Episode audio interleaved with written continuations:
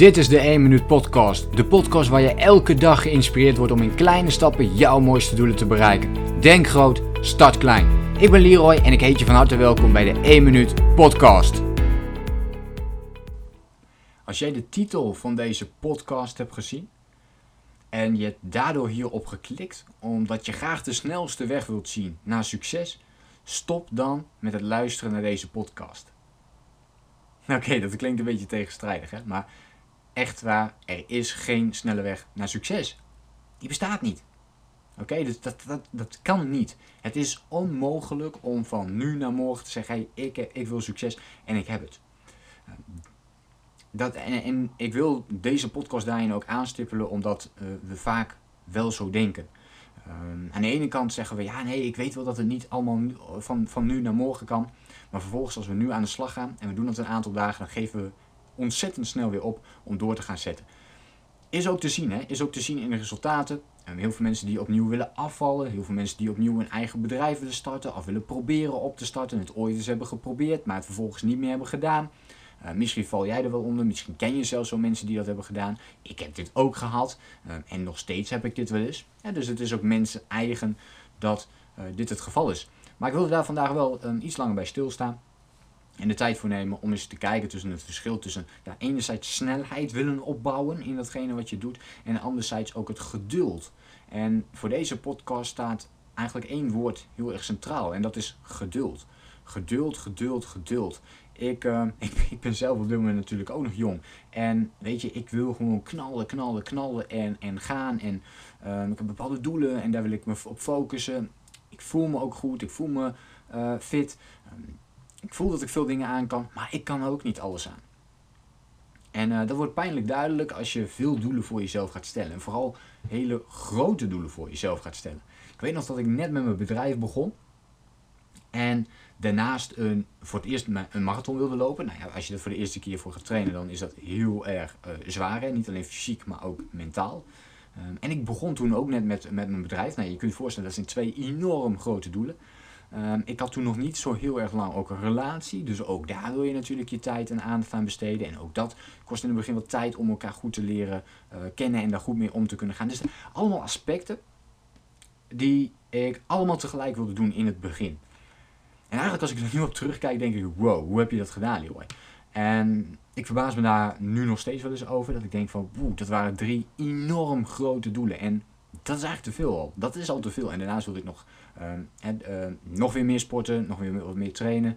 Uh, maar ook bijvoorbeeld bepaalde boeken lezen. Nou ja, je kent het wel. Dus, dus er waren een heleboel dingen die ik wilde doen. En het kon gewoon niet allemaal. Dus ik heb toen nog gekeken, oké, welke dingen ga ik wegstrepen?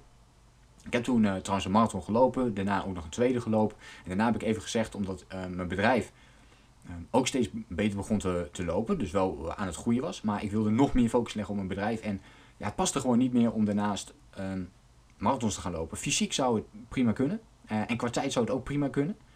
Maar uh, mentaal werd dat uh, gewoon wat te gek voor mij. Omdat ik me dan ook echt wilde focussen op die marathon. En op, dan wilde ik natuurlijk nog een snellere tijd lopen.